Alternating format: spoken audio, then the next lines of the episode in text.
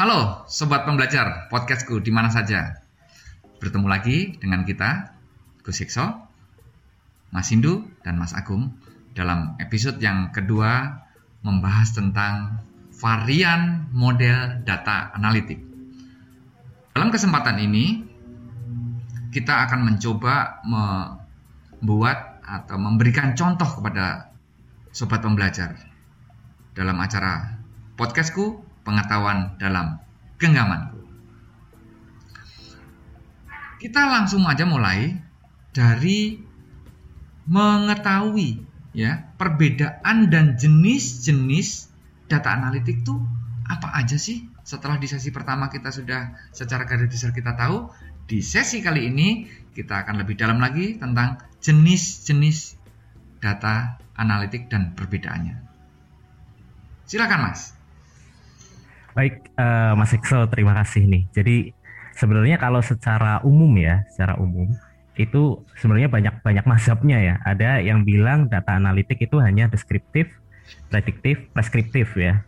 Kemudian ada di tengah-tengahnya itu ada diagnostik sebenarnya. Ini yang kadang-kadang belum belum di ini ya apa agak berbeda tuh. Tapi memang secara umum yang empat yang kita tahu adalah pertama deskriptif, ya di mana kita bisa melihat uh, secara umum garis besar, kemudian diagnostik di mana kita bisa melihat insight-nya di dalam, kemudian ada prediktif di mana kita melihat ke depan gitu kan, preskriptif di mana kita bisa dari foresight itu melihat ke depan kita jadikan suatu konteks untuk membantu pengambilan keputusan gitu. Meskipun ada lagi mas nanti ke depan namanya kognitif analitik, cuma mungkin itu masih jauh ya kita pakai ya, kita masih di sini. Oke.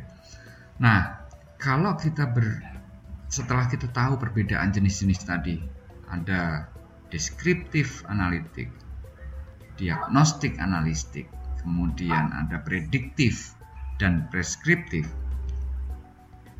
Biar sobat pembelajar tahu, kasih contoh dong mas. Deskriptif analitik itu kayak apa sih contohnya dalam realnya gitu? Oke. Okay. Gimana? Ini Mas Agung nih yang biasa deskriptif yeah. nih. Silakan Mas.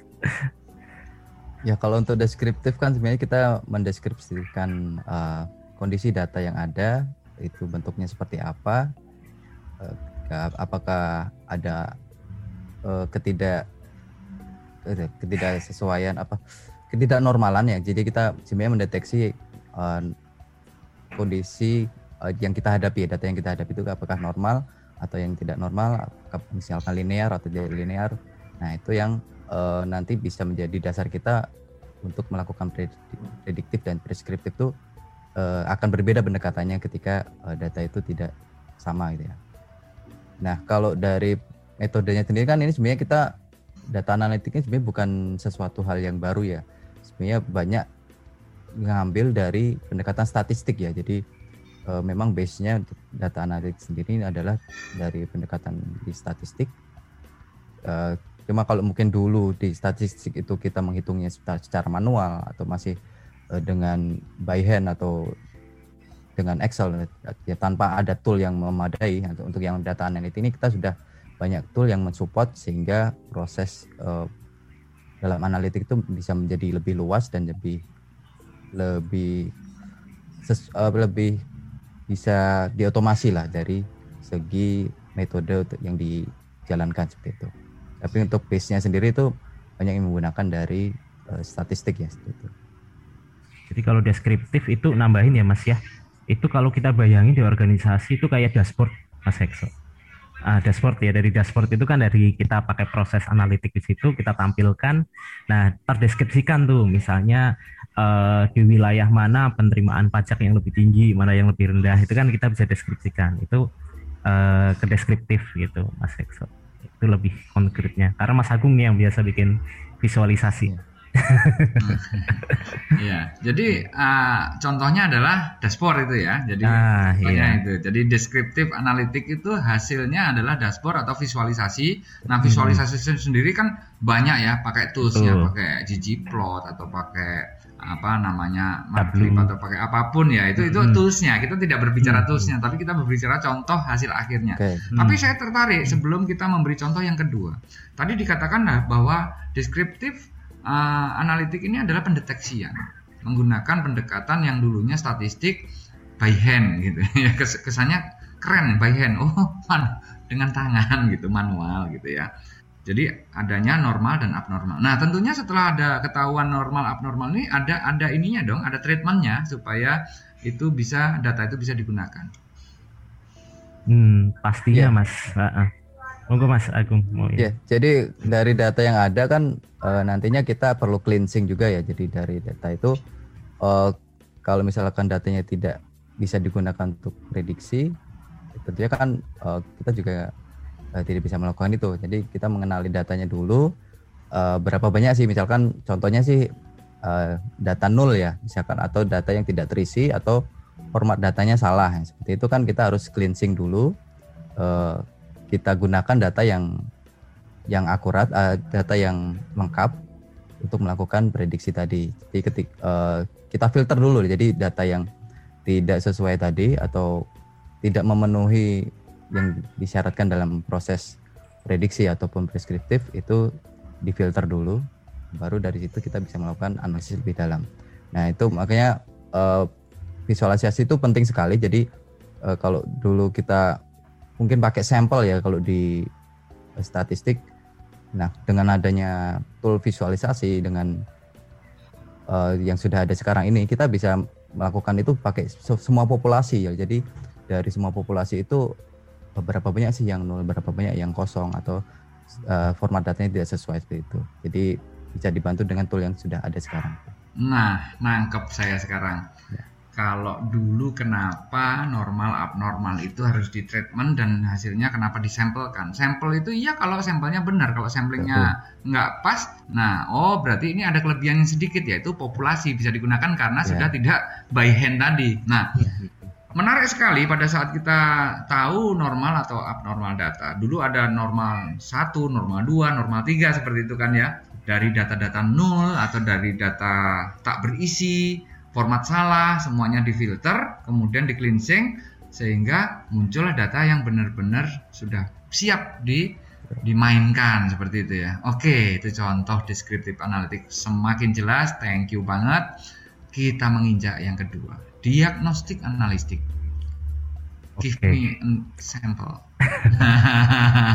Oke, kalau diagnostik analitik, eh, kalau tadi kita udah bisa deskriptifkan gitu kan. Kalau diagnostik kan berarti kita pengen tahu sebenarnya jika ada masalah itu root cause-nya apa gitu. Eh, beberapa yang bisa kita lakukan misalnya kalau yang metode sekarang ya ada apa seperti clustering ya untuk pengelompokan, kemudian misalnya bahkan dari grafik yang sederhana aja itu pun mungkin kita bisa lihat nih. Misalnya masalah eh, di suatu daerah masalah mana sih pendidikan eh, apa kemajuan pendidikan yang saat ini berjalannya lambat gitu ya. Dan adanya visualisasi kemudian grafik. Kita bisa lihat nih ternyata eh, di peta itu ya peta visualisasi itu ternyata yang di daerah Indonesia Timur memang eh, secara apa secara pendidikan masih kurang gitu ya. Jadi kita bisa melakukan diagnosa oh ternyata memang di sini kita harus menambah Eh, Nah, itu nanti kita lihat datanya apakah itu data apa kekurangan dana pembangunan dan kawan-kawan gitu ya. Tapi kalau konkretnya sendiri yang sekarang mungkin sebelumnya pernah ada itu pakai ini eh, PCA yang principal komponen analisis ya. Jadi kita pengen tahu tuh sebenarnya apabila terjadi suatu hal itu yang mempengaruhi hal tersebut tuh apa aja gitu ya. Eh, eh, itu bisa kita lakukan. Eh, eh, mungkin itu sih kalau diagnostik agak ini juga ya karena termasuknya teknis ya enggak enggak itu. Eh, Mas Agung mungkin. Ya kalau diagnostik sendiri itu akhirnya kembali ke tadi sih bagaimana kita bisa membaca suatu permasalahan ya dari Mhm. kondisi yang ada. Ini sebenarnya root cause-nya di mana sih? Nah ini eh, diagnostik nanti menurut saya eh, arahnya ke situ. Jadi eh, ketika tadi kita sudah bisa mendeskripsikan data kita seperti apa, kondisi yang ada seperti apa, Nah ini masalahnya ada di mana ya? Nah, kalau yang kita kemarin sempat uh, ikut di lomba beda data itu ya itu ada anomali analisis lah. Jadi hmm. uh, kita ngelihat anomalinya ada di mana dan uh, kenapa ya why-nya. Jadi di situ.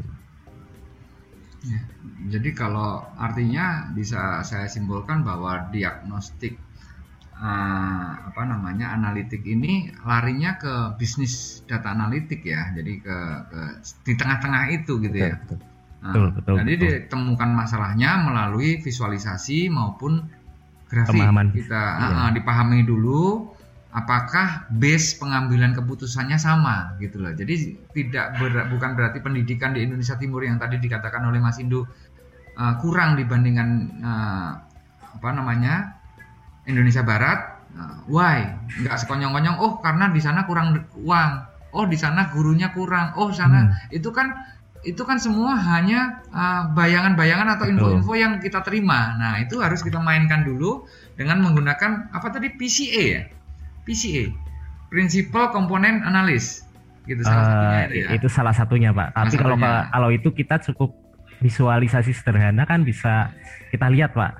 Berapa sih uh, jumlah uh, sekolah yang ada di sana gitu okay. kan dengan tingkat pendidikan itu kan pasti nanti ada korelasinya tuh pak. Ya tentunya uh, di di di dalam acara ini di dalam materi ini nggak perlu kita buka semua. Nanti kalau perlu. mau, mau toolsnya yang banyak nanti ikut data analitik di kelas yang besarnya ya. gitu luar biasa. Tapi ini sudah sangat sangat memberikan apa yang namanya gambaran yang indah gitu loh. Gambaran yang indah sehingga saya menganggap kalau misalnya teman-teman yang belum paham tentang data analitik dengan seri 1 mengikuti seri 1 dan ini sudah agak sedikit terbuka oh begitu ya. Tapi ngomong-ngomong masih ada dua nih yang harus dikasih contoh. Prediktif analitik. Monggo Mas, apa itu contohnya? Oke, okay, uh, saya kasih contoh untuk prediktif. Yang paling gampang itu karena biasa kita pakai adalah Google Maps, Pak Excel. Mas Ekso ya. Jadi Google Maps itu saat kita mau ke suatu wilayah, di situ dilakukan prediksi berapa menit kita dalam melakukan perjalanan. Gitu. Atau misalnya kita pesen GoFood lewat Gojek. Nah, itu juga ada ya biasanya ya. Itu adalah prediktif memperkirakan berapa lama ya, si Gojeknya itu nanti akan sampai ke rumah kita. Di situ paling enggak kita bisa tahu kapan kita harus berangkat Iya kan kalau misalnya Google Maps ya, kapan kita harus berangkat. Nah kalau misalnya kita bayangkan di suatu organisasi misalnya perusahaan gitu, dengan melakukan prediktif analitik itu, kemudian dia bisa melakukan sesuatu dengan lebih efisien. Misalnya kita tahu kalau di Jepang apa ada just in time itu ya, uh, uh, yang apa uh, barang datang dan habis itu terus kita bisa perkirakan nanti ini selesai kapan dan habis itu laku semua itu salah satunya di situ. Terus kalau untuk di pemerintahan itu mungkin bisa seperti eh, pergerakan realisasi anggaran atau apa ya. Itu kan mungkin bisa dilakukan prediksi juga ya. Meskipun mungkin belum tentu 100% tepat karena yang namanya prediksi kan hanya sekedar prediksi ya. Kita harapannya seakurat mungkin eh, dan tools itu makin berkembang sih ke depannya. Mungkin Mas Agung mau nambahin. Ya, sebenarnya sangat nyambung sekali ya Pak. Jadi dari uh, beberapa proses data analitik tadi, kalau deskriptif tadi uh, menampilkan apa yang terjadi sekarang atau kondisi data seperti apa, kemudian diagnostik kita lihat permasalahannya apa. Nah, kadang di proses pas di step diagnosis ini kita juga baru tahu nih ternyata data kita kurang atau kita perlu data baru. Nah, itu yang uh, bisa didapatkan juga dari diagnosis tadi. Jadi kita saat akan melakukan prediktif itu kita akan mendapatkan hasil yang lebih akurat. Jadi uh, seperti yang tadi misalkan uh, Google Map uh, ternyata kita nggak menghitung uh, macet atau enggaknya nih atau misalkan ini hari apa. Jadi itu bisa jadikan sebagai variabel baru yang bisa mempengaruhi uh, keakuratan dari prediksi tadi. Nah, kalau untuk contoh lain mungkin lebih ke dari pre prediktif dengan preskriptifnya ya. Kalau prediktif kan memang kita memprediksikan uh, berapa sih nilainya dari satu uh, prediksi kita. Kalau bisa dicontoh mungkin nyambung juga dengan yang Mas Sindu. Misalkan kita mau mengirim barang nih, mengirim barang dari titik A ke titik B. Nah ini kita uh, pakai apa nih? Pakai pick up kah atau pakai truk ya?